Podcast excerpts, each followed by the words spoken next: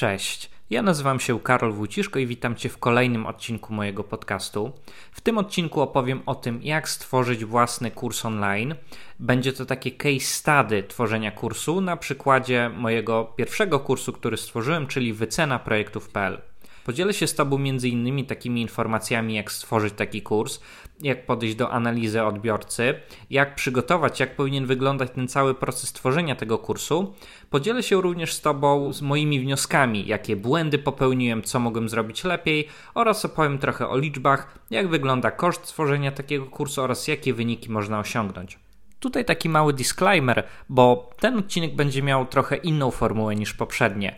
Jakiej stady o tworzeniu kursu wycena projektów.pl nagrałem w roku 2019, jest na moim YouTubie i tak naprawdę odcinek tego podcastu jest przekształceniem tego wideo w, formie, w formę MP3, czyli coś do przesłuchania i upload tego, więc tutaj część rzeczy może być dla Ciebie niejasna z tego względu, że omawiam je wideo ale postanowiłem rzucić ten odcinek jako audio, żeby po prostu moi słuchacze też mogli nadrobić ten materiał w swojej aplikacji do słuchania podcastów. Oczywiście link do materiału wideo jest w opisie. A teraz, żeby nie przedłużać, po prostu zapraszam Cię do przesłuchania mojego materiału. Miłego słuchania.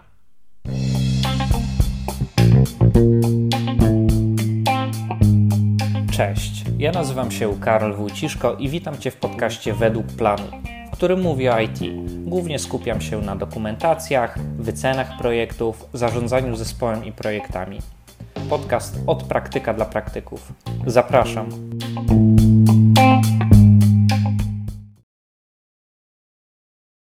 Cześć wszystkim, ja nazywam się Karol Wuciszka. W dzisiejszym filmie opowiem o case study tworzenia mojego pierwszego kursu online. Temat kursów online jest ostatnio bardzo popularny, przewija się w wielu rozmowach moich ze znajomymi, pytają jak można zrobić taki kurs, ile to kosztuje i jak można zarobić, więc w tym filmie postaram się odpowiedzieć na te pytania. Tym case'em, który będziemy studiować jest mój pierwszy kurs online, który stworzyłem, dokładna wycena projektów IT. Szczegóły znajdziecie na wycenaprojektów.pl i może powiem Ci kilka słów o tym kursie, żebyś znał kontekst, y, jaki, jaki produkt w ogóle będę omawiał. Nie jest tajemnicą, że na rynku IT około 80% się projektów się opóźnia. To, czy projekt się opóźnił, czy nie, wiemy na podstawie pierwotnych założeń, czyli właśnie wyceny projektów.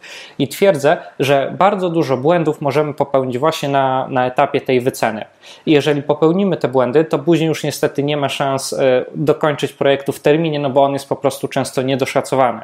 Dużym problemem jest to też, że projekty są przeszacowane, przez co te rezerwy są marnowane i tak dalej, i tak dalej. Tych mechanizmów jest generalnie bardzo dużo. Mój kurs stara odpowiedzieć się na to pytanie, jak wycenić projekt, żeby skończyć go właśnie w terminie. I teraz jeszcze jedna ważna kwestia, którą warto zaznaczyć, bo uważam, że zupełnie inaczej będzie wyglądało tworzenie kursu i przede wszystkim sprzedaż kursu e, osoby, która jest w internecie już ileś lat i ma kilka tysięcy subskrybentów. Inaczej będzie to w przypadku kogoś, kto bloguje od pół roku, a jeszcze inaczej w przypadku kogoś, kogo w ogóle nie ma w internetach.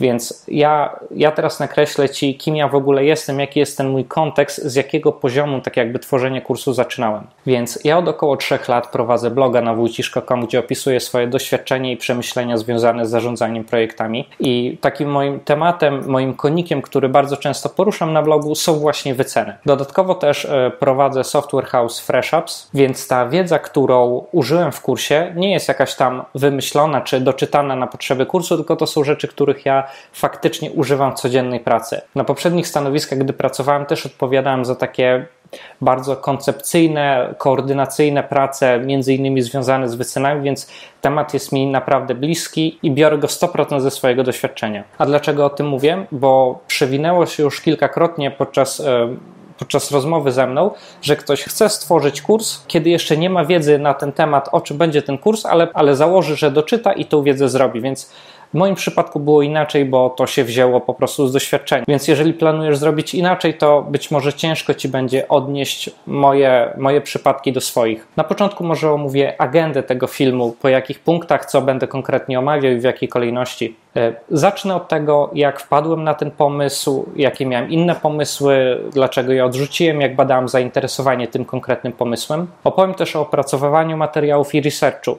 bo z tego co zauważyłem, to też takie operowanie na pracach czy tworzenie jakiejś koncepcji czegoś wcale nie jest proste, mamy bardzo mało narzędzi do tego, więc postaram Ci się odpowiedzieć na pytanie, jakich ja narzędzi użyłem i jak u mnie przebiegał ten cały proces koncepcyjny tworzenia tego kursu, tworzenia poszczególnych lekcji. Opowiem też o procesie nagrywania i montażu, jak to po kolei wyglądało u mnie, od czego zaczynałem, jakie popełniłem błędy, co zrobiłem dobrze. Opowiem też o przygotowaniu platformy. Czyli tutaj opowiem, e, na jaką platformę się zdecydowałem, jakie odrzuciłem. E, powiem też o tym, jakich dodatkowych technologii użyłem do procesu automatyzacji mojego kursu, do sprzedaży i tak. I tutaj też opowiemy sobie o kosztach stworzenia takiego kursu, ile kosztowały poszczególne narzędzia. E, później chyba najciekawszy punkt, czyli przedsprzedaż i sprzedaż podzielę się z Tobą, jakie miałem założenia e, dotyczące przedsprzedaży i sprzedaży, jakie miałem przewidywania oraz jakie udało mi się osiągnąć wyniki. Ważne jest zaznaczenia to, że jeżeli oglądasz ten filmik, właściwie nie wiem kiedy go będziesz oglądał, ale omawiam w nim e, przedsprzedaż i pierwszą sprzedaż tego kursu. Bo być może jeżeli oglądasz ten, ten film w późniejszym terminie, to już były kolejne, kolejne sprzedaże, kolejne cykle sprzedażowe i te dane w tym filmie mogą być już po prostu nieaktualne. E, I ostatnim punktem będą wnioski oraz co dalej zamierzam. Więc zacznę na początku od tego, jak przebiegało wpadnięcie na pomysł oraz badanie zainteresowania. Więc na początku chodziły mi w ogóle po głowie szkolenia, ale bardzo szybko uświadomiłem sobie, że tworząc tak naprawdę szkolenia, musiałbym być fizycznie na każdym z tym szkoleń, jeżeli byłbym oczywiście instruktorem, co by też angażowało mnie bardziej czasowo. E, ostatnimi czasy mocno zainteresowałem się tworzeniem przychodów pasywnych, więc skonwertowałem ten pomysł szkoleń na kurs. Tak, by the way, to czy kurs jest przychodem pasywnym, to sobie jeszcze odpowiemy później, bo to, bo to jest dość ciekawa kwestia. Natomiast chcę Ci powiedzieć, że cała koncepcja tego w ogóle kursu zaczęła się od tego, że miało być szkolenia. I teraz, jeżeli chodzi o samo badanie, badanie zainteresowania czy wybieranie tematu, to tutaj nie byłem za bardzo innowacyjny, zrobiłem prawdopodobnie to, co większość twórców kursów robi, czyli zrobiłem ankietę. I tutaj ważną kwestią jest to, że podzieliłem tą ankietę na tak jakby dwie sekcje. Pierwsza sekcja dotyczyła tego, jakie tematy interesują moich czytelników. I wypisałem tam około 10 czy 15 kwestii, e, takich jak wycena, harmonogramowanie, dokumentacja i tak dalej. Było tego około 10 czy 15 i to pytanie było wielokrotnego wyboru, czyli ktoś mógł zaznaczyć jedną odpowiedź, dwie, trzy lub, lub nawet wszystkie. Były to tematy, w których uważam, że powiedzmy mam coś ciekawego do powiedzenia. E, natomiast druga sekcja była na temat tego, kto odpowiada w tej ankiecie. Czyli było jakieś pytanie o przedział wiekowy, o stanowisko, o ilość lat doświadczenia itd., tak czyli takie po prostu profilowanie. I teraz, żeby być bardziej konkretnym, to nie uzyskam jakoś dużo odpowiedzi na, na tą ankietę, e, bo też nie mam, nie mam wielu subskrybentów na swoich listach, więc tak, żeby być konkretnym, to uzyskałem około 30 odpowiedzi na te ankiety i to po prostu zacząłem analizować. I na początku nie wiedziałem kompletnie, jak się zabrać do analizy tych ankiet, ale w związku z tym, że było ich niedużo, no bo około 30, to mogłem przyjrzeć się każdej, każdej pojedynczo. Zacząłem od tego, że E, analizując te ankiety, zauważyłem, że powtarzają się pewne schematy. Czyli na przykład są programiści, których interesuje wycenianie, są kierownicy projektów, których interesuje harmonogramowanie i tak dalej. Wyodrębniłem też programistów, którzy są tak zwane PM wannabe, czyli chcą być kierownikami projektów, lub ci, którzy są seniorami, którzy chcą się rozwijać technicznie i tak dalej. To byłem w stanie wywnioskować, i zauważyłem, że 100% osób zaznaczyło właśnie wycenę projektów plus coś jeszcze, jakieś podpunkty. Więc w tym momencie tak naprawdę odpowiedziałem sobie, że e, temat wyceny to będzie ten, który poruszę w kursie, natomiast jeszcze w ogóle nie wiedziałem, do kogo będzie kierowana ta oferta, ani jak będzie wyglądała, po prostu nie wiedziałem nic. Po prostu czułem się w tematach wycen dobrze i wiedziałem, że to interesuje moich czytelników. Tak zapadła decyzja na temat pomysłu, ale wracając jeszcze do analizy, to zacząłem grupować te wszystkie wyniki. Czyli w jednej grupie wrzuciłem powiedzmy programistów seniorów, programistów juniorów, e, w drugich kierowników projektu, którzy powiedzmy mają własne firmy, i tak dalej, i tak dalej. Po prostu zacząłem to generalizować na różne grupy. Na początku wyszło mi takich 8 grup, które wyodrębniłem, później zacząłem nad tym jeszcze pracować. Zrobiłem z tego 5 grup i finalnie powstały mi 3 grupy i pomyślałem, że te 3 grupy to będą właśnie osoby, do których będę kierował swój produkt. I taką pierwszą grupą, którą udało mi się wyodrębnić, to byli programiści. I tutaj musiałem się też zastanowić, jakie, jak wygląda na co dzień praca takiego programisty w kontekście wycen, jakie ma problemy, z czym się zmaga. I tutaj przyszło mi do głowy, że największym problemem u programistów jest to, że zazwyczaj dostają zadania od kierowników projektów, tak naprawdę z tego opisu zadań nic nie wynika, nie wiadomo co trzeba zrobić, ale trzeba to wycenić e, i to co lepsze ma być jeszcze wiążące, więc ja tutaj zauważam pewien absurd, nie wiem jak ty. Później jeszcze bardzo często kierownicy projektów zbijają tą wycenę, żeby tych godzin było jak najmniej, prawda? Programiści się stresują, organizacja zaczyna ich denerwować, zmieniają pracę, jest rotacja i tak dalej. Po prostu taki problem zauważyłem. Kolejną grupą byli kierownicy projektów, którzy też bardzo często dostają, powiedzmy, od zarządu lub od kogokolwiek y, nierealne wymagania, y, nie wiedzą w jaki sposób podejść do wyceny tych projektów. Robi się też pewien, pewnego rodzaju chaos, nie wiedzą jak rozmawiać z programistami, twierdzą, że oni ich na przykład, nie wiem, oszukują, nie są z nimi szczerzy lub nie potrafią negocjować czasu z programistami.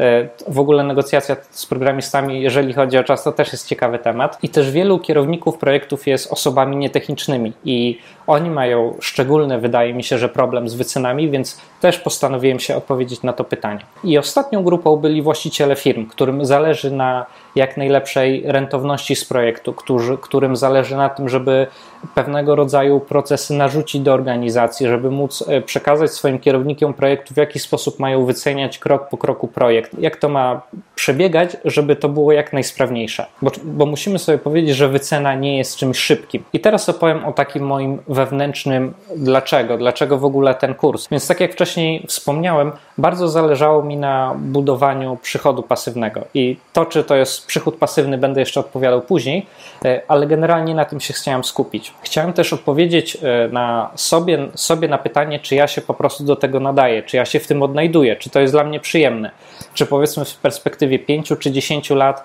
mógłbym żyć e, z robienia kursów. Chciałem też poruszyć ten temat, bo z tego co widzę w branży IT krąży wiele absurdów na temat wycen.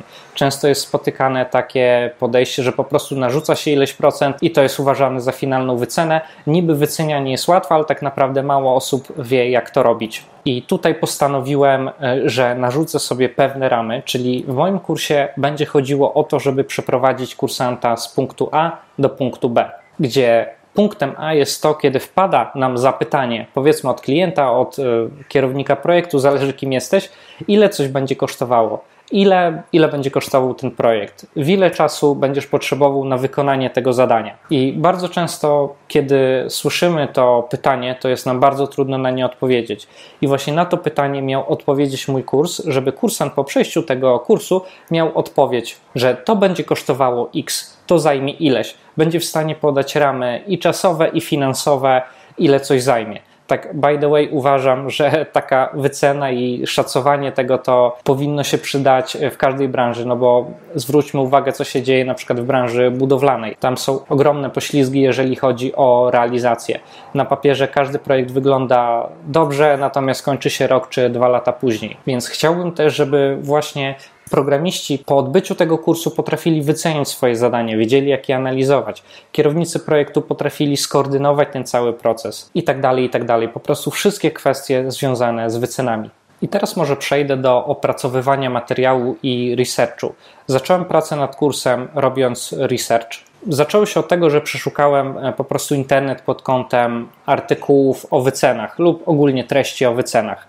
I byłem zdziwiony, bo tak naprawdę nie udało mi się znaleźć nic takiego jakby bardzo ciekawego, bo główne artykuły, które znajdowałem, to były, miałem takie wrażenie, że były pisane przez jakieś agencje marketingowe, żeby było lepsze SEO na stronie, e, było użytych dużo słów kluczowych, ale tak naprawdę nic z tego artykułu nie wynikało. E, I kolejnym, e, kolejnym taki typem treści, które wyodrębniłem, to, to takie treści, które są pisane bardzo podręcznikowo. Czyli ja po, po prostu jak je czytałem, to czułem się tak, jakbym czytał podręcznik jakiś do wyceny projektów i bolało mnie to, że wiedza w tych, e, w tych treściach jest po prostu ciężko ją przenieść do życia takiego prawdziwego, no bo e, te przykłady, które były w tych treściach, były opisywane na idealnym świecie, że dostaliśmy zakres od klienta, wszyscy wiedzą, co trzeba zrobić, programiści są kompetentni i my to po prostu musimy tylko wycenić i zsumować i mamy jakiś tam wstępny harmonogram.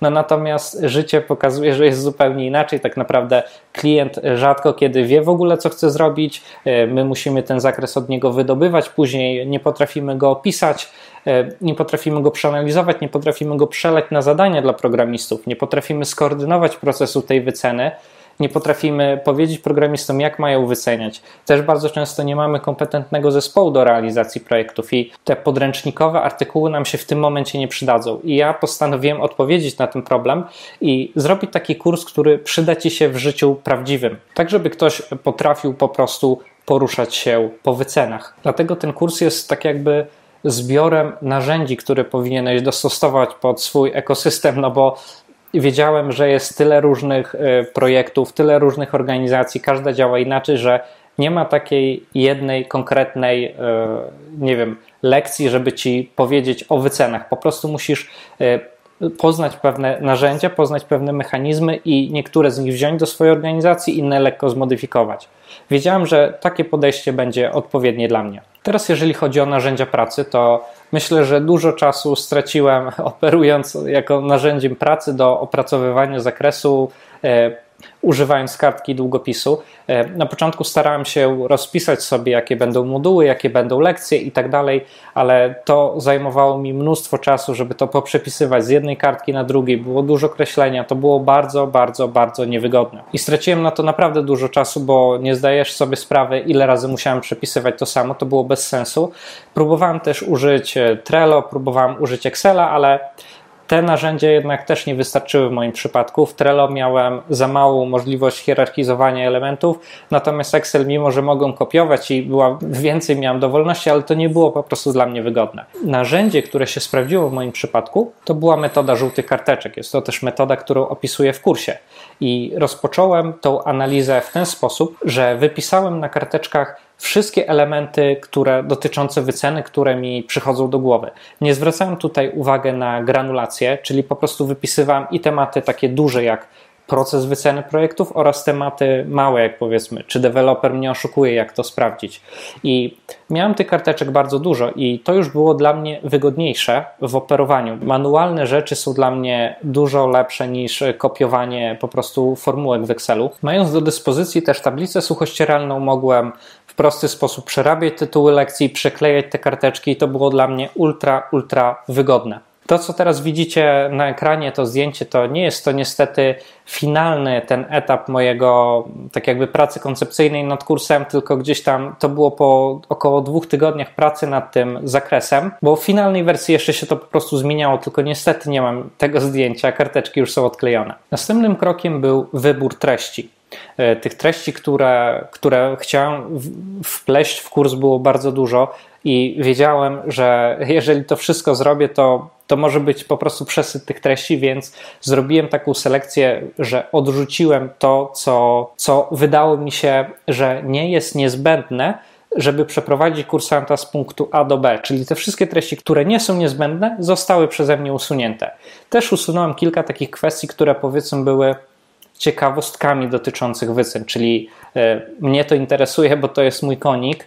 E, podejrzewam, że gdyby była konferencja o wycenach, to, to, wszystkich prelegent, to wszystkich uczestników też by to interesowało, ale takiego kierownika projektów czy programistę, który będzie przechodzić mój kurs, podejrzewam, że nie do końca takie ciekawostki e, by interesowały, które zdarzają się w praktyce niezwykle rzadko, więc takie elementy też odrzuciłem, które wydawały mi się ciekawe tylko mi, Natomiast skupiłem się na tym, co może się wydać ciekawe moim kursantom. Też dużo problemu miałem, jak pogrupować te treści, bo na początku starałem się je pogrupować po kontekstach, ale wiecie, na przykład takie coś jak bufor. O buforze można opowiedzieć w kontekście buforze jako bufor, który jest w zadaniach, e, bufor, który jest projektowy lub bufor centralny projektu i tak dalej. To by było zbyt trudne dla osoby, która jest powiedzmy świeża w wycenach, żeby to zrozumieć, więc postawiłem na taką koncepcję grupowania tego wszystkiego po prostu po tym procesie, czyli od tego, co jest na początku. Najpierw e, wypytujemy klienta, później opracowujemy ten zakres, później ten zakres przekuwamy na zadania, później wyceniają go programiści, później musimy narzucić jakiś narzut organizacyjny, a na końcu musimy dopracować po prostu tą naszą wycenę. Więc to się, to się w moim przypadku sprawdziło najlepiej. A teraz, ile czasu trwało stworzenie kursu? Też pytanie, które bardzo często się przewija, ile ci to czasu zajęło? Więc ja wyodrębniłem kilka takich kluczowych elementów. Tutaj pierwszym klockiem jest start prac. Kolejnym to taki etap jak opracowywanie materiałów. Później u mnie kolejnym krokiem było nagrywanie lekcji i opracowywanie promocji, czyli pisanie tych scenariuszów filmów promocyjnych. Później kolejnym krokiem był montaż i konfiguracja platformy, czyli ta cała, ten cały stack technologiczny i na końcu gdzieś tam już jest dostęp do kursu. Całość prac ruszyła 6 października 2018 roku. Warto też na początku powiedzieć, że kurs był moim takim projektem bardzo pobocznym, czyli e, ja pracowałem na nim w tak zwanych pogodzinach, czyli gdzieś tam było to w tygodniu maksymalnie godzina, czy maksymalnie dwie przed pracą lub po, plus zazwyczaj kilka godzin w soboty, więc takim trybem pracowałem nad tym kursem i opracowywanie materiałów takim trybem zajęło mi około 2,5 miesiąca.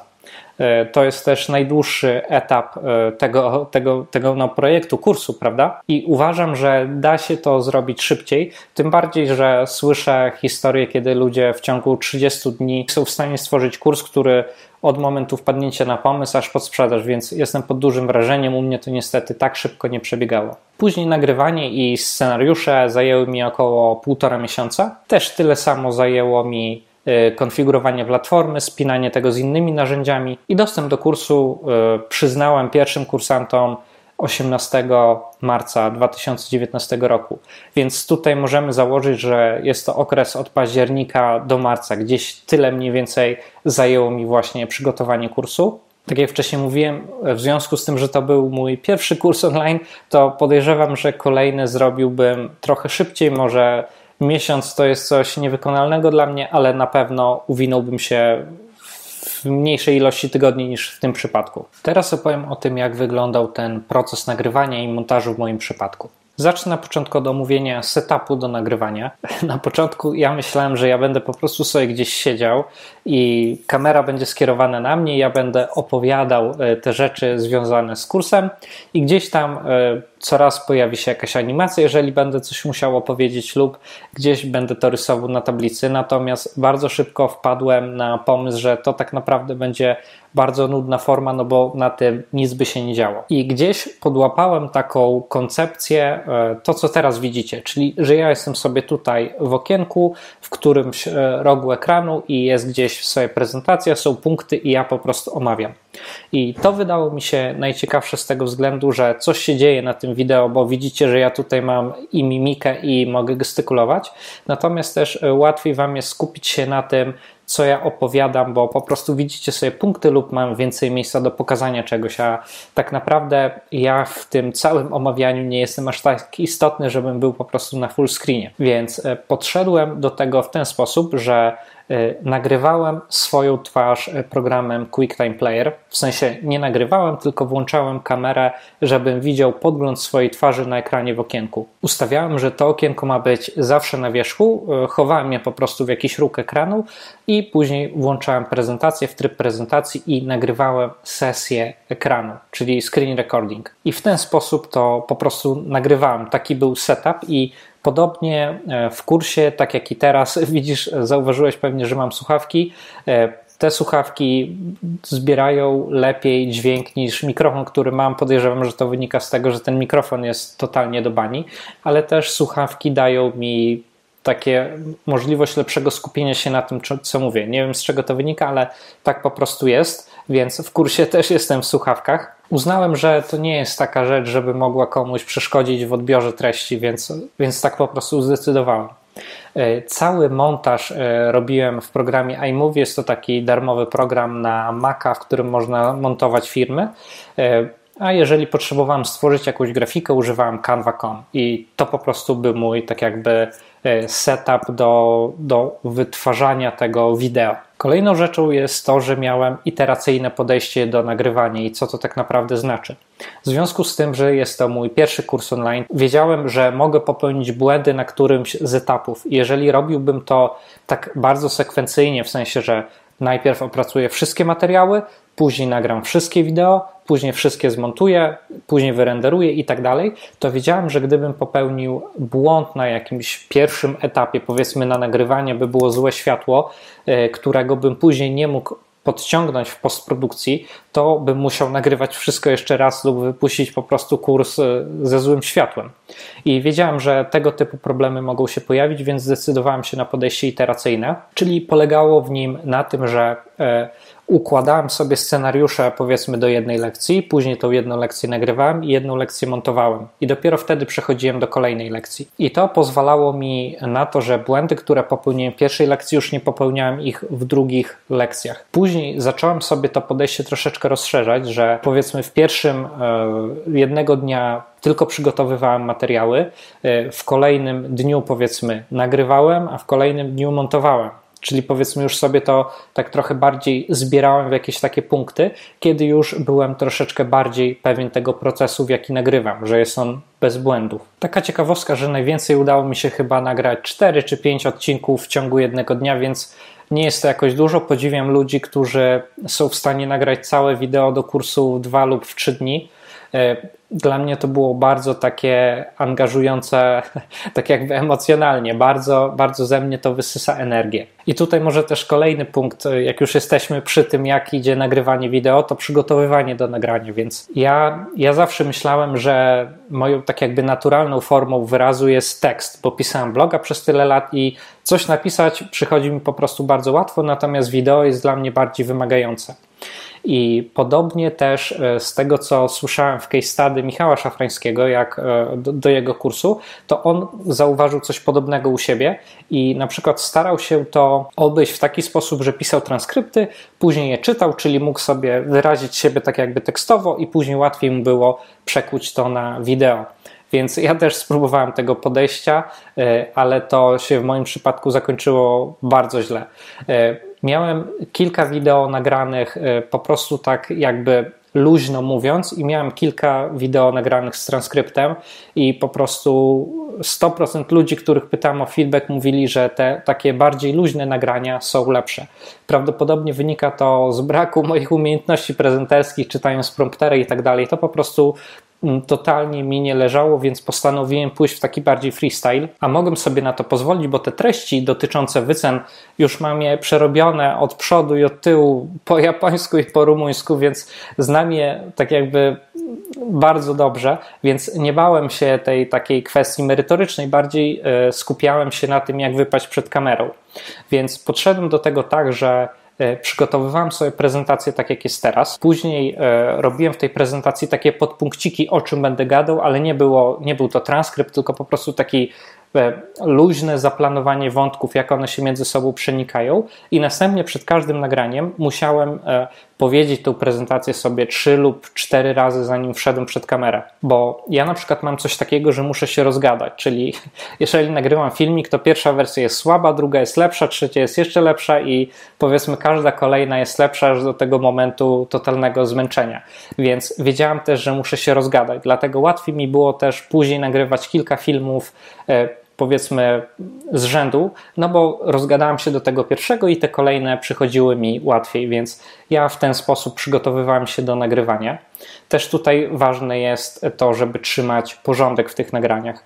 E, ja akurat sobie zrobiłem taką strukturę katalogów e, odpowiadającej odpowiadającemu lekcjom kursu, czyli główny katalog to moduł, później ten katalog modułu miał podkatalogi z lekcjami, e, tam też miałem stałe nazewnictwo, tak samo nazywał się w każdej lekcji, oczywiście z prefiksem plik roboczy, później plik zmontowany, wyrenderowany, jakieś materiały dodatkowe, e, obrazki i tak dalej, więc taki porządek e, w katalogach podejrzewam, że zaoszczędził mi bardzo dużo czasu na szukaniu tych rzeczy w sytuacji, gdybym tego porządku po prostu nie miał. Też całość backupowałem, trzymałem to na chmurze, trochę na drive'ie i trochę tych materiałów takich większych na, na dysku po prostu zewnętrznym. Ok, teraz opowiem o przygotowywaniu tej całej platformy, tego staku technologicznego. Więc na początku zastanawiałem się nad wyborem platformy i E, tak jak wcześniej wspomniałem, że moje listy newsletterowe nie są jakieś duże, jestem generalnie bardziej w tej kategorii no-name'ów internetowych niż jakichś influencerów,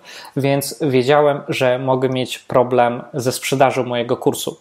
Nie wiedziałem też, czy ja potrafię w ogóle sprzedawać takie własne produkty, no bo ten kurs był moim pierwszym produktem, więc e, taką naturalną, naturalną wyborem dla mnie były Udemy gdzie powiedzmy ja wystarczy, że włożyłbym tą wartość merytoryczną, a Udemy zajęłoby się marketingiem i to by się jakoś kręciło. Natomiast tak jak wcześniej Ci wspomniałem, że jestem zainteresowany budowaniem przychodów pasywnych, więc szybko sobie zrobiłem taką małą kalkulację na temat tego, ile bym zarobił na Udemy, gdzie te kursy są gdzieś tam sprzedawane po 30, po 40 zł, e, versus mniejsza sprzedaż, ale po wyższej cenie. No i, i po prostu zdecydowałem, że raz kozie śmierć, że warto spróbować zacząć budować takie właśnie własne produkty, uczyć się tej sprzedaży tych produktów na własnej platformie, gdzie mam później dostęp do tych kursantów, mogę się ich coś zapytać, natomiast na Udemy to było mocno ograniczone. Odrzuciłem też platformę, platformę Teachable i to chyba było po webinarze u Mirka Burnejko, gdzie mówił, że miał jakieś niesamowite problemy z wystawianiem faktur z tej platformy, chyba podwójnie naliczały mu VAT lub coś takiego. Ja w każdym razie nienawidzę tego typu problemu, więc od razu odrzuciłem tą platformę i zdecydowałem się po prostu na WP Idea. Teraz też opowiem o technologiach, e, jakich użyłem do stworzenia kursu. Więc tak jak wcześniej wspomniałem, była tu WP Idea. WP Idea jest to e, no, taki nie wiem, plugin do WordPressa, jakkolwiek to nazywać. W każdym razie jest to bardzo wygodne w instalacji. E, te też technologie PHP to jest coś, czym ja się zajmuję na co dzień, więc też to był plus dla mnie, że to jest akurat w tej technologii. Do fakturowania użyłem iFirmy, płatności realizuję przez Tipeya. E, hosting wideo jest na Vimeo e, i używam też MailChimpa. W związku z tym, że moje listy są jeszcze nie są takie duże, ale też planuję przejść już na coś lepszego. MailChimp jest generalnie spoko, ale ma kilka takich rzeczy mega nieintuicyjnych i kilka rzeczy nie, po prostu nie da się na nim zrobić. Trzeba robić dużo rzeczy ręcznie, co też mnie w tym denerwuje. No ale za darmo brzmi pysznie. I teraz może opowiem o koszcie stworzenia takiego kursu, bo to też wydaje mi się, że jest ważny temat. Hmm. I tak jak wcześniej wspomniałem, że to ja, ja, zrobiłem ten kurs właściwie po to, żeby zobaczyć, czy ja potrafię sprzedawać własne produkty. To taki był nadrzędny mój cel. Wcale nie chodziło mi o zarobienie jakiejś, nie wiem, fortuny lub cokolwiek na kursach. Nie robiłem tego tak stricte dla pieniędzy. Dlatego też e, w związku z tym, że chciałem się sprawdzić w tym kursach, chciałem to zrobić jak najniższym kosztem, czyli postawiłem sobie takie założenie, żeby zrobić kurs jak najbardziej bezkosztowo, zrobić to jak najtańszymi metodami. I właśnie tak wygląda kosztorys tego kursu. Więc jak tutaj widzisz, że udało mi się zamknąć w kwocie około 1400 zł brutto, Największym kosztem była WP Idea, jest to właśnie ta platforma, więc no nie wiem, według mnie nie jest to jakiś duży koszt tworzenia kursu. Z tego co patrzyłam e, u innych twórców internetowych, to te, to te koszta są nie wiem, 5-6 razy większe. E, u mnie też dużo, dużym kosztem, który mi odszedł, było to, że sam montowałem te wideo i sam je nagrywałem oraz to, że sam ogarniałem to technicznie, czyli sam to sobie wszystko pokonfigurowałem, bo po prostu byłem w stanie to zrobić, więc skorzystałem z tego. Tak wyglądał kosztorys stworzenia mojego kursu. Ok, więc teraz myślę, że możemy przejść do najciekawszej części, czyli o tym, jak wyglądała przedsprzedaż i sprzedaż. Tak jak wcześniej wspomniałem, nie wiem kiedy oglądasz ten filmik, ale e, pomiędzy 4 a 10 września 2019 roku będzie trwała kolejna edycja sprzedaży i te dane te dane zawierają tylko te dane z przedsprzedaży i z pierwszej sprzedaży, czyli to, co stało się maksymalnie do maja 2019 roku. I takim pierwszym e, eventem, który chciałbym omówić, to właśnie przedsprzedaż. I tutaj na początku chcę Ci powiedzieć, że zdecydowałem się na takie okna sprzedażowe, czyli limitowanie otwierałem sprzedaż i ją zamykałem. I tutaj przedsprzedaż odbyła się wtedy, kiedy jeszcze nie miałem kursu skończonego. I ta przedsprzedaż trwała 3 dni, odbyła się w lutym i to był poniedziałek, wtorek i środa. Ważne dla mnie było to, żeby, żeby dzień sprzedażowy nie kończył się w piątek.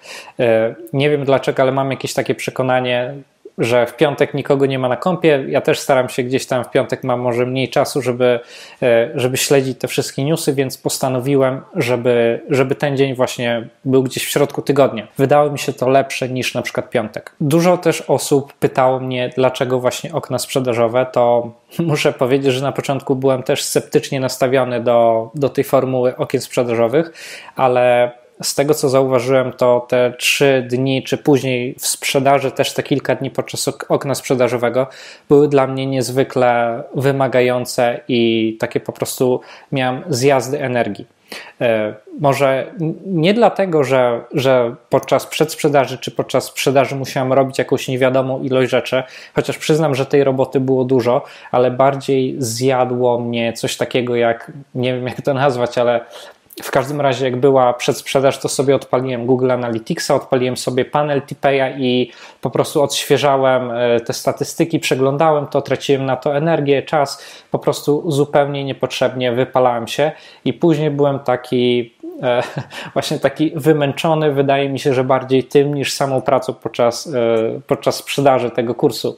Więc tutaj też mam taki wniosek, że po prostu teraz jak to gdzieś się toczy, to staram się jak najmniej odświeżać tych statystyk, no bo to, to tak naprawdę jest do niczego niepotrzebne. Cena kursu przed sprzedaży to była 99 zł, e, są to ceny brutto, natomiast można było obniżyć tą cenę kodem e, rabatowym i wtedy o 20 zł i wtedy kosztowała 79 zł.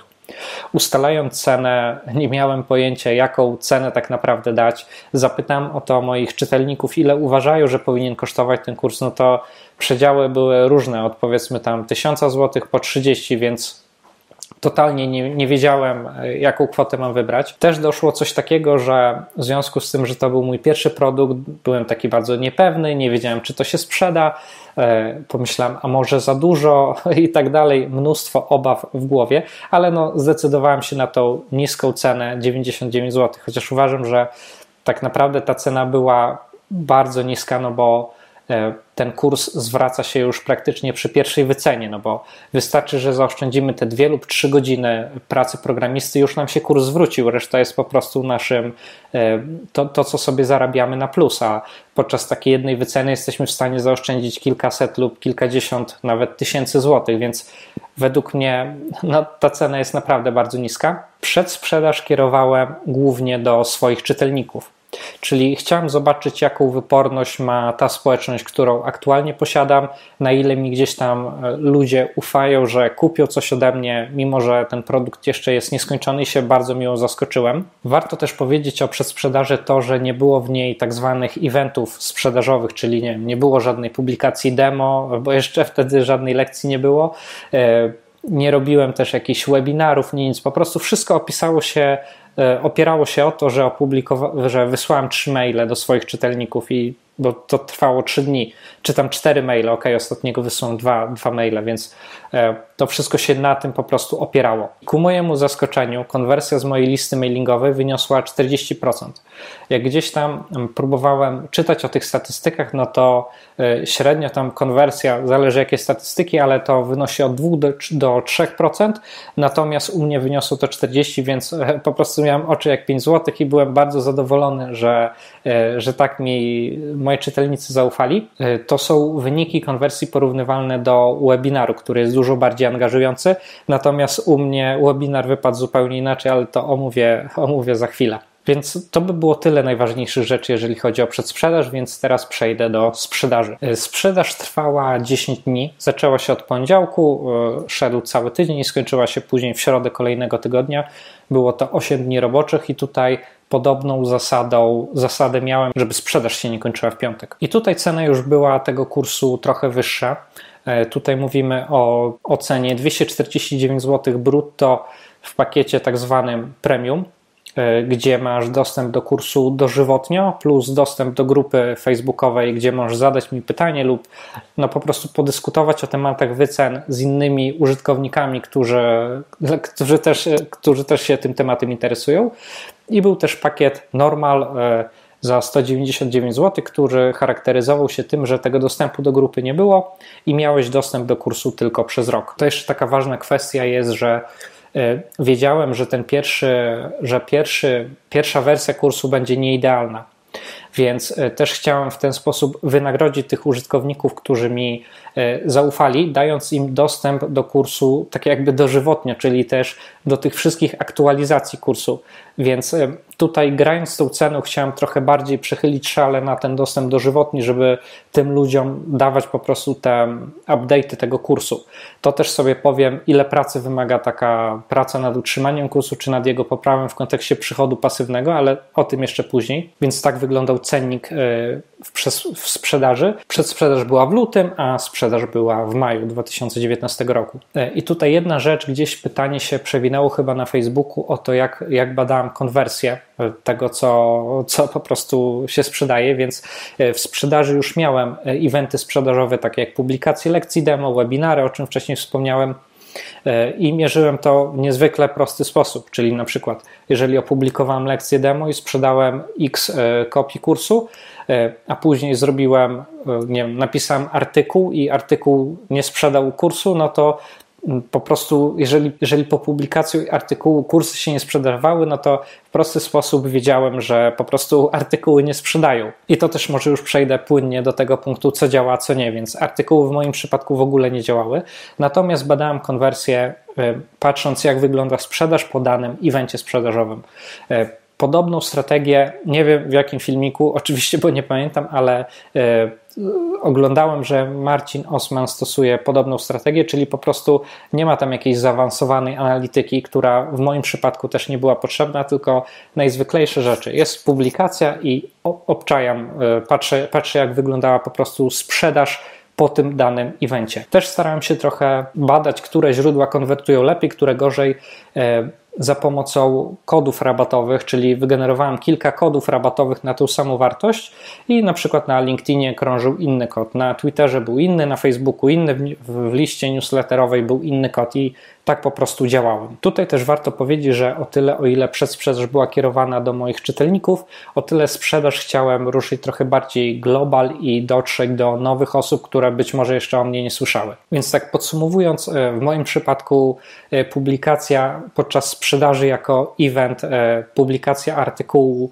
nie sprzedawała nowych, nowych egzemplarzy kursu, natomiast sprzedawały lekcje demo, i też zrobiłem webinar, który, o którym może opowiem i on też e, miał praktycznie miał zerową konwersję, więc to też była pewnego rodzaju moja porażka, e, ale przeanalizowałem te błędy i wydaje mi się, że wiem, co, co było przyczyną. Po pierwsze, zacząłem go promować zbyt późno i było na nim po prostu mało osób. Drugą kwestią jest to, że ja sam gdzieś tam uczestnicząc na różnych webinarach, zawsze staram się pominąć tą kwestię sprzedażową, gdzie ktoś e, mówi o jakimś produkcie, a interesuje mnie to mięso. I podejrzewam, że tak ma 90% ludzi, którzy uczestniczą w kursie. Więc postanowiłem wyjść naprzeciw takim, takim osobom. I w tym webinarze tak naprawdę było bardzo mało sprzedaży, a skupiłem się na tym, żeby było to tak zwane mięso, więc podejrzewam, że niektóre osoby mogły nawet nie obczaić, jaki jest adres kursu lub, no nie wiem, może teraz przesadzam, ale mam nadzieję, że wiesz o co mi chodzi, co było złego w moim podejściu. Był jeszcze jeden faka podczas e, tego webinaru, ale o tym opowiem Ci za chwileczkę. I teraz e, no, punkt kulminacyjny, czyli moje przewidywania i wyniki. Tutaj jeszcze raz, był to mój pierwszy produkt, byłem pewien obaw, więc moje przewidywania były takie, że musiałbym sprzedać 5 kopii kursu podczas przedsprzedaży i 10 kopii kursu podczas sprzedaży, żeby uznać, że jest to sens robić. I tutaj Wiem, że te liczby teraz, jak na to patrzysz, mogą ci się wydawać śmieszne, że co to jest sprzedać 15 kopii kursu, ale uwierz mi, że jeżeli jesteś w tej jeszcze kategorii no-name'ów internetowych, to wcale nie jest to takie oczywiste, że te 15 kopii sprzedasz. To, żeby ktoś kupił od ciebie kurs, też jest potrzebnego pewnego rodzaju zaufanie, zbudowanie wizerunku eksperta, musisz go jakoś przekonać do tego, co wydawało mi się niełatwe, bo mnie na przykład jest trudno przekonać do, do, do tego typu produktów. Więc takie były moje przewidywania i teraz podzielę się z Tobą, jakie wyniki udało mi się osiągnąć. A udało mi się osiągnąć takie wyniki, że sprzedałem praktycznie 60 kopii, niecałe 60 kopii kursu, 56. 28 podczas przedsprzedaży i 28 podczas sprzedaży. Z tą różnicą, że przedsprzedaż trwała 3 dni, ale cena kursu była dużo niższa, natomiast sprzedaż trwała 10 dni, ale kurs był droższy. Tak Ci powiem szczerze, że ja jestem z tych wyników bardzo zadowolony, bo biorąc pod uwagę, że to mój pierwszy kurs, gdzie popełniłem dużo błędów, o których zaraz powiem, e, sprzedając ten kurs, no to, to, to, był totalny tak jakby freestyle i wyczuwanie rynku z mojej strony, więc ja jestem z tego wyniku zadowolony. Wiadomo, że też nie mam co się porównywać do na przykład czy Maćka Aniserowicza, czy Mirko Burnejko, czy innych e, po prostu twórców, którzy się na tym lepiej znają. To był mój pierwszy kurs e, i takie osiągnąłem wyniki i one są dla mnie naprawdę satysfakcjonujące i wierzę, że w kolejnych e, iteracjach ten kurs będzie coraz lepszy, będę coraz lepiej sobie radził ze sprzedażą i będę po prostu sprzedawał tych kopii jeszcze więcej. Więc teraz omówię fakapy, czyli wszystkie rzeczy, które nie wyszły. To zacznę generalnie od tego, że jak uruchomiłem sprzedaż i trwało na 3 dni, czyli ile? 72 godziny, to e, po wysłaniu maila, że sprzedaż jest otwarta, padła strona e, z kursem. Po prostu po prostu zacząłem aktualizować pewne rzeczy, których nie powinienem aktualizować. Mój totalnie błąd. E, także no, strona nie działała około 3 lub 4 godzin, zanim udało mi się to przywrócić. Nie wiem, być może straciłem jakieś sprzedaży przez ten okres. No, po prostu człowiek uczy się na błędach, więc jeżeli będziesz otwierał e, sprzedaż kursu, to absolutnie niczego nie aktualizuj. Kolejną taką rzeczą, która też wydarzyła się podczas przedsprzedaży, to było kod rabatowy. O Jezu, co ja, co ja z tym zrobiłem? To generalnie było tak, że chciałem być cwanym lisem i posegmentowałem sobie moją listę, listę newsletterową, powiedzmy na tych, na tych, którzy są potencjalnie bliżsi zakupowi niż, niż dalej, nie? To mniej więcej o to chodziło. I i wysłałem po prostu kod rabatowy do, do tych ludzi tam, do, do jednego z segmentów. I ten kod y, brzmiał 20 PLN w kieszeni. Tak jakby no 20 zł oszczędzasz i 20 PLN w kieszeni. I wysłałem go, gdzieś tam po prostu pisałem tego maila, przygotowałem go sobie wcześniej, ale mimo to popełniłem literówkę w tym kodzie. Więc ten kod po prostu nie działał. Gdzieś tam zjadłem literę E, było w kieszeni, coś takiego. No to ja myślę, o Matko Boska, no muszę, muszę ten błąd naprawić, no bo już ludzie mi piszą, że ej, ale ten kod w ogóle nie działa, nie? I to, to myślę, naprawię swój błąd, wyślę e, drugi e-mail, w którym napiszę ten poprawny kod. Tak sobie wtedy pomyślałem. I wysłałem ten drugi e-mail, który, który wysłałem do tego segmentu, który wcześniej nie dostał tego kodu. Więc oni też kompletnie nie wiedzieli o co chodzi, a ci, którzy mieli zły kod, to po prostu on im nadal nie działał. Więc wysłałem trzeciego maila, w którym już wszystko wyprostowałem i było to załatwione, ale tak sobie później myślę, że e, no jednak mózg nie działa tak, tak, tak dobrze podczas sprzedaży. Wystarczyło po prostu dodać ten kod z literówką, żeby był działający i to by była sprawa rozwiązana. No ale wiecie jak jest. Kolejnym takim błędem to wydaje mi się, że było to, że zbyt często linkowałem do strony zakupu, gdzie nie było w ogóle informacji o kursie, więc jeżeli ktoś e, z jakiegoś powodu nie znał strony wycenaprojektów.pl, to mógł po prostu nie trafić na tą stronę i nie znał oferty kursu, więc ciężko, żeby kupił. I w kolejne, w sprzedaży już zacząłem linkować i do strony ofertowej, i do zakupowej, więc to było na pewno lepsze. E, też chciałem zrobić super remarketing. Zainstalowałem Facebook Pixela na stronie, później chciałem tam kierować reklamy do ludzi i okazało się, że ten Pixel jest źle zainstalowany, więc cały misterny plan e, legł w gruzach, no i tak to się skończyło, więc no, wystarczyło to sprawdzić oczywiście przed startem zakupu i startem sprzedaży i zainstalować poprawnie. E, kolejnym takim błędem było to, że był brak aktywności podczas e, przed sprzedażą i pomiędzy sprzedażami, czyli tak bardzo skupiłem się na wytworzeniu tego kursu, tak bardzo to było dla mnie energetycznie kosztowne, że tak naprawdę nie prowadziłem żadnej działalności blogowej, nie pojawiały się nowe wpisy i tutaj nagle cyk, otwieram sprzedaż i podejrzewam, że moi starzy czytelnicy, którzy nie dostawali ode mnie żadnego wpisu przed kilka miesięcy, mogli nawet nie wiedzieć kim jestem, więc w sensie, że zapomnieli, więc e, Teraz starałem się utrzymywać coś, publikować co jakiś czas, po prostu e, dawać o sobie znać, nie dawać się zapomnieć. I teraz jeszcze ten fuck up, który zdarzył się na webinarze, o którym wspomniałem wcześniej, to e, generalnie webinar przeprowadzałem w zamkniętej grupie facebookowej i zdarzyło się tak, że przygotowałem się do webinaru, wystartowałem go, e, weszło kilka kilka osób, powiedzmy, to myślę, no to dobra, no to zaczynamy, jak już jest kilka osób, e, tam standardowa gadka o przedstawieniu się, o czym będzie ten webinar i ja sobie dalej mówię, mówię, mija gdzieś tam 15 minut, powiedzmy, myślę, e, zajrzę na czat, zobaczę, co się dzieje.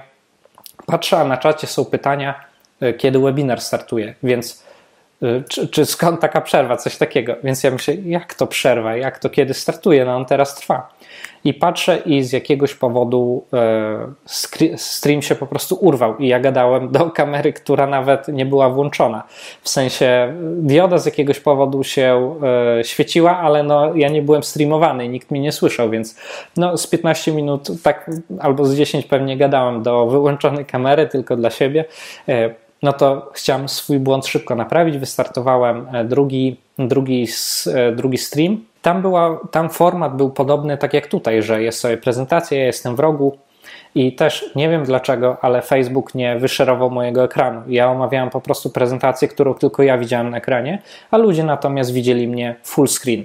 No ale to już był mniejszy błąd, ale też mi ktoś zwrócił na to uwagę, że ja mówię o czymś, czego oni nie widzą, więc myślę, Matko Boska, jestem chyba, przeprowadziłem chyba najgorszy webinar w historii i no już nie miałem pojęcia, jak zrekompensować tym ludziom e, te moje problemy techniczne, a też z drugiej strony kompletnie nie wiedziałem, z czego one wynikają. I do tej pory nie wiem, po prostu no tam e, za dużo opcji do ustawienia nie ma podczas tego streamu, więc nie wiem, co zrobiłem źle, ale już za trzecim razem e, przebiegło dobrze, ludzie widzieli i mnie, i widzieli ekran, i słyszeli mnie, więc było super. Więc tak w wielkim skrócie, właściwie w nieskrócie wyglądała przedsprzedaż i sprzedaż pierwszego kursu online, który zrobiłem. I teraz może omówię wnioski, jakie plany mam, więc zostałem sam swoim kursantem, czyli to jest to, o czym Ci mówiłem, czy kurs tak naprawdę jest przychodem pasywnym, który chciałem uzyskać, więc zostałem swoim kursantem i przechodzę go i sobie robię notatki, co w tym kursie poprawić, żeby każda kolejna wersja sprzedażowa y, zawierała tak jakby lepszą tą wersję kursu. I tak naprawdę to absorbuje bardzo dużo pracy. Więc jeżeli ktoś myśli, że kurs może być takim przychodem pasywnym, że e, raz się go zrobi i wrzuci w sieci i to się po prostu samo kręci, no to w większości przypadków tak nie będzie. Chociaż w niektórych tak będzie, jeżeli nie poprawisz swojego kursu albo masz sprzedaż otworzoną cały czas, no bo też te okienka sprzedażowe powodują, że do tej, że do tej sprzedaży się trzeba przygotować, czyli no tak to, tak to mniej więcej wygląda, że najpierw jest sprzedaż, która jest intensywna, Później po sprzedaży jest taki okres intensywniejszy utrzymywania tych kursantów. Oni mają dużo pytań, nie wiem, jakieś pytanie, jak działa platforma i tak dalej, takie różne rzeczy utrzymaniowe. Później, jak to się kończy, no to zaczyna się analiza nad kursem, tak naprawdę, co można w nim poprawić. Później się to poprawia. Później, później już, nie wiem, może jest tydzień wolny, może nie. I znowu trzeba przygotowywać się do kolejnego okna sprzedażowego. No i tak to wygląda. Więc no, w moim przypadku przychód pasywny to trochę, to trochę nadużycie, że ten kurs jest taki, bo naprawdę on nie absorbuje w dużej ilości czasu. Same chociażby pytania kursantów e, dotyczące kursu, mimo tego, że nie ma ich wbrew pozorom tak dużo na tej grupie wsparcia, ale e, zdecydowaną większość pytań dostaję gdzieś tam na maile i podejrzewam, że wiem z czego to wynika. E, to wynika z tego prawdopodobnie, że jeżeli chodzi o wycenianie czy projekt IT, to wiele rzeczy jest tak indywidualnych, że żeby pomóc w tej sprawie, trzeba znać po prostu czasami nawet klienta lub mieć bardzo szczegółowe dane na temat tego, jak działa organizacja. Więc niektórym bardzo trudno, mm, bardzo trudno takimi rzeczami dzielić się na grupie publicznej, gdzie jest tam, nie wiem, 50 osób czy coś takiego, no bo ktoś może to po prostu zidentyfikować. Więc e, rozumiem w pewnym sensie, że że ci ludzie pytają mnie o to mailowo wtedy, ale z drugiej strony to angażuje mnie dużo bardziej, no bo y, te pytania są naprawdę zbieżne i też y, wnioski z tych pytań, w sensie te pytania, które dostaję, będę się starał mm, ubrać w jakieś kolejne lekcje, czy bonusowe, czy gdzieś wpleść e, w te takie lekcje regularne. Więc myślę też o kolejnych kursach, żeby je zrobić. Tak gdzieś e, idealnie myślę, że takie tempo to, które sobie gdzieś tam luźno narzuciłem, to jest e, około jeden kurs rocznie, który chciałbym później je sprzedawać rotacyjnie i w ten sposób postępować. Teraz tak naprawdę tematy, jeżeli chodzi o kursy, to są w mojej głowie. Jeszcze mam bardzo dużo pomysłów niezrealizowanych z tej pierwszej ankiety, którą gdzieś tam e, uzyskałem, mimo że była ona na małej próbie, ale pokazuje to, czym moi czytelnicy są zainteresowani. Więc no, jeszcze raz takie podsumowanie, żebyś lepiej e, jeżeli miałeś problem ze zrozumieniem kwestii jakiegoś e, elementu, który mówię, to, to wejdź proszę na wycena projektów.pl, bo podejrzewam, że jeżeli zapoznasz się z produktem, to wiele kwestii ci się wyjaśni. Mam też nadzieję, że odpowiedziałem na większość pytań kogoś, kto chce stworzyć pierwszy kurs online.